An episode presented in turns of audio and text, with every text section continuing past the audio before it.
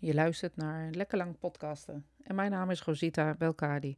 En dit is de tweede deel van uh, de serie Healers. Uh, de eerste was uh, over Padre Pio, die is hiervoor dus. En um, nou, deze gaat over waarom we Jezus zo vaak zien op het moment dat we healing geven. En hoe we dat nu moeten benaderen. Misschien komen we ook nog wel even op de grote meester hemzelf uh, terecht. Uh, wie zal het zeggen? Want zo'n podcast is altijd geïnspireerd. En ehm, ik wil niet zeggen dat ik eh, alle kanten op ga.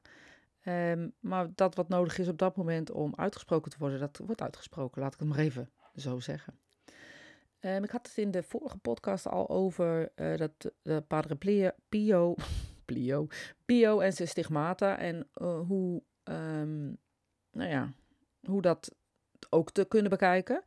En um, daar refereerde ik al aan dat heel veel mensen hem eh, in die tijd zagen op meerdere plekken. En dat betekent dat hij op meerdere plekken te zien kon zijn tijdens zijn healingen.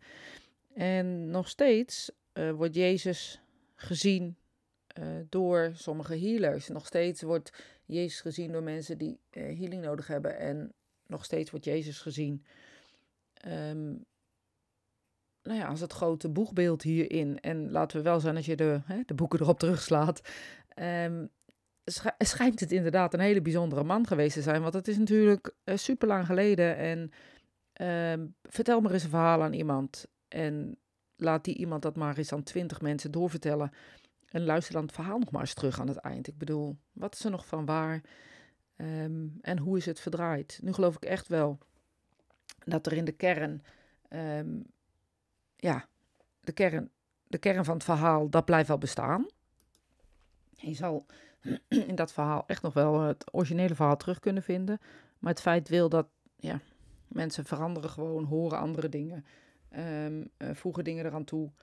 Uh, ja, dat is, dat is gewoon hoe een mensenbrein werkt. En dat doen we niet bewust, maar dat is wel hoe het werkt. We halen er dingen bij. Um, dat werkt nu helemaal zo. Ik bedoel, hoe ervaar jij groen en hoe ervaar ik groen? Ik kom mijn emoties er ook bij op het moment dat ik het ga vertellen. Dus zo werkt het verhaal ook. Dus zo het verhaal van Jezus en uh, na de 2000 jaar waarin anderen het verhaal uh, opblazen met allerlei interpretaties. maakt iedereen zijn eigen verhaal. Maar goed, dat een bijzonder man was, lijkt me duidelijk. Um, en ja, over het hoe en het waarom, daar kunnen we met z'n allen over discussiëren. Maar dat er mooie dingen gebeurden in zijn tijd en dat hij uh, tot healingen in staat was, dat vertelt het verhaal. Uh, zeker ook. Ik geloof echt niet dat hij bij iemand aankomt en dat ineens uh, het zicht weer terug is. Maar ik weet wel zeker dat als er een probleem was met de ogen en hij daar een healing op gaf, dat daar ehm, dingen gebeurden. Weet je, het is maar net hoe je het interpreteert en hoe je het leest. Ook dit verhaal verander ik natuurlijk nu voor jouw oren. Ik wou ogen zeggen. Uh, maar voor jouw oren, want hoe kijk jij naar Jezus? Hoe benader je dit? En hoe vind jij dat het is? Ik bedoel, ook ik beïnvloed jou nu daarin, zeg maar even. Um, wat, um, wat, wat ik, waar ik aan refereer is aan het feit dat op het moment dat je in mediumschap, zeg maar, in de power gaat, of je gaat jezelf wijden aan healing, omdat je voelt dat dat jouw ding is, of jouw pad is, of jouw manier op dit moment is um, heb je vaak dat mensen tijdens het sluiten van de ogen, in de meditatiestand of zelfs op een moment healing geven, de verschijning van Jezus zien. En um, wat ik best wel vaak toch nog wel hoor, is dat men dan zegt dat ze met Jezus healing geven of dat Jezus een gids van ze is. En dan kunnen we nog even een zijstapje maken op dit verhaal. Um, want hoe ziet die voor jou eruit? Ik bedoel, dat is natuurlijk ook een ding wat, wat invulbaar zou kunnen zijn. Hè? Het, schijnt zo dat in, in gebieden waar donkere mensen leven, um, Jezus als, als donker of zwart wordt gezien. Um, in Aziatische gebieden, Jezus met, met meer uh, een soort spleetogen wordt gezien. Um, ik vind spleetogen een slecht woord, maar ik weet even niet hoe ik het anders moet noemen. Um, in, in de nou ja, laten we het wit, witte community noemen, wordt hij als uh, wit met, met blauwe ogen gezien. Ja, ik weet niet of je weet waar die vandaan kwam, maar dat lijkt me in ieder geval toch wel een beetje bijzonder. Um, dus weet je, de, de beeldenis van Jezus is hoe wij hem kennen. Uh, met dat wat ons gevoerd is en gevoed is. Dus op het moment dat we um, Jezus zien, is het altijd onze eigen beeldenis van hoe wij hem gevoed of uh, te zien gekregen hebben. Terug naar mediums en healers die in hun meditatie en power Jezus zien.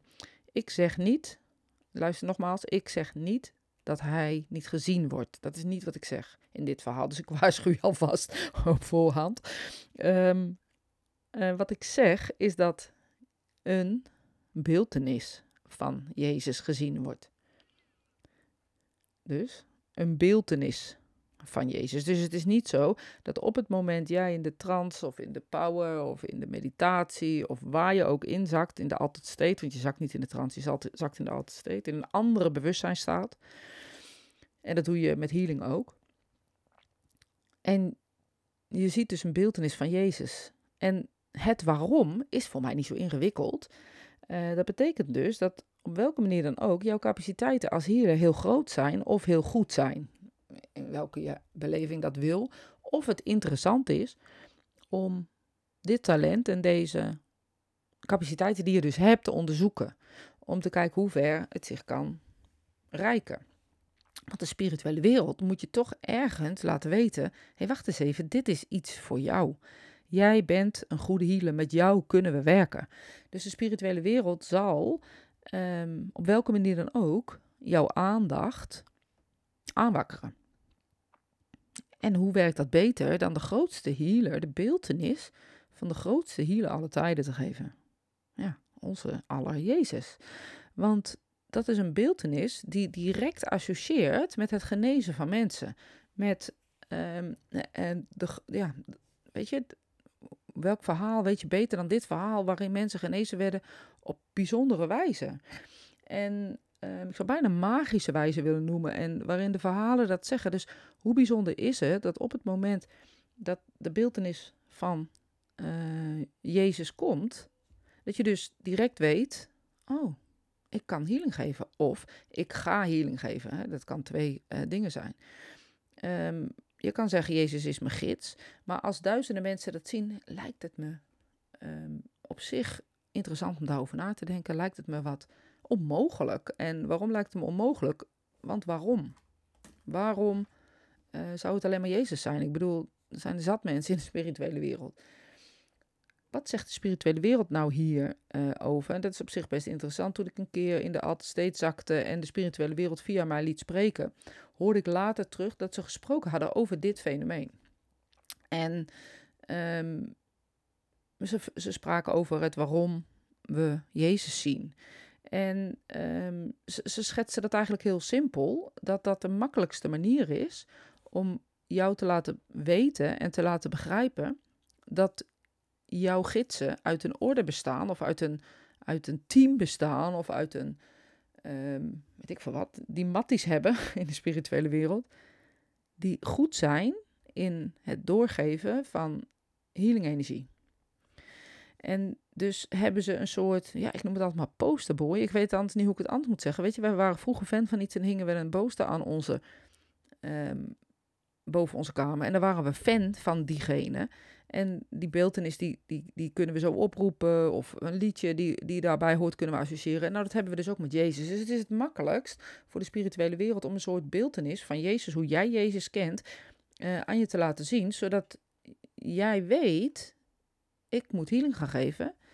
En ik werk dus met een orde of een team van healers. En die orde, een team van healers, kan uit miljoenen, miljoenen gidsen bestaan, zeg maar. Um, miljarden misschien zelfs wel, weet ik wel hoe dat werkt. Um, een hele grote team van heel veel healers over de hele wereld. Healers zijn verspreid. Maar als ze nou één beeldenis duidelijk kunnen geven, zodat je weet, oh ik moet gaan healen. Of moet, maar goed, vrije keus. Maar het is een goed plan als ik ga healen. Ja, wat kunnen we dan beter geven dan onze lieve Jezus? Onze lieve Jezusje. Ik bedoel, want iedereen kent dat beeld. Echt iedereen, ook al heb je er helemaal niks mee, ook al vind je het stom, raar, weet ik veel wat, je vindt er van alles van. Iedereen kent het verhaal van Jezus en zijn miraculeuze healingen. Toch? dus hoe slim is het eigenlijk dat de spirituele wereld ehm, die beeldenis aan ons geeft? Dat de spirituele wereld dus aan ons geeft. Ja, wij willen met jou werken als healer. Of wij willen ook met je werken als healer. Want het kan best wel zijn uh, dat je je sporen in het mediumschap al verdiend hebt. Of je bent al jaren bezig als um, uh, spirit artist. Of weet ik wat je doet.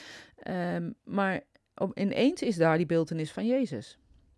Ben je nou bijvoorbeeld heel erg thuis in het spiritualisme, zou het best wel kunnen zijn uh, dat bijvoorbeeld een, een Alec Harris aan je verschijnt. Nee, zeg ik het weer. Gisteren zei ik het ook al verkeerd in mijn podcast. Harry Edwards. Nou moet ik het even opnieuw programmeren. Dus dat een Harry Edwards ineens, als je hem zou kennen, in je beeldenis verschijnt. En jij dus um, weet, oh wacht eens even. Ik heb te maken met een orde van healers. Um, en een Harry Edwards, dus een voorbeeld van Harry Edwards, zou me wel eens kunnen helpen. Dat wil niet zeggen dat Harry Edwards niet geïnteresseerd in je is, of dat een Jezus niet geïnteresseerd in je is. Helemaal niet. Um, maar het is zo dat op het moment dat we dit soort beeldenissen zien, zien we het altijd naar onze beleving. Dus hoe wij een Indiaan zien, hoe wij uh, denken dat um, een Chinees eruit ziet, of, of, een Egyptenaar, of een, een heks van vroeger, of een monnik. Het, zat naar onze uh, associaties, wat wij hebben met die orde. En uh, misschien moet ik een podcast op gaan nemen ook nog over de orders in de spirituele wereld en hoe de spirituele wereld dat mij, zeg maar, uh, heeft verteld. Maar voor nu gaat het over de healers en waarom Jezus dus vaak gezien wordt, of ja, ik zou zo zeggen wordt, bij, bij velen onder ons. Dus ik hoop dat je begrijpt um, um, waarom zeg maar, Jezus gezien wordt. Uh, betekent nogmaals niet dat, dat het niet bijzonder is dat je hem ziet en dat het dus een, een indicatie is aan um, uh, je mediumschap. Dus dat je mediumschap, ja, ervoor bedoeld is. Ik vind bedoeld echt een rot woord. Maar um, ertoe kan leiden dat je dus goede uh, healingen kan geven. En ook dus bijzondere, re, re, ja, bijzondere resultaten zal, zal hebben. Uh, niet alles kan geheeld worden. Niet alles is te, is, is te healen.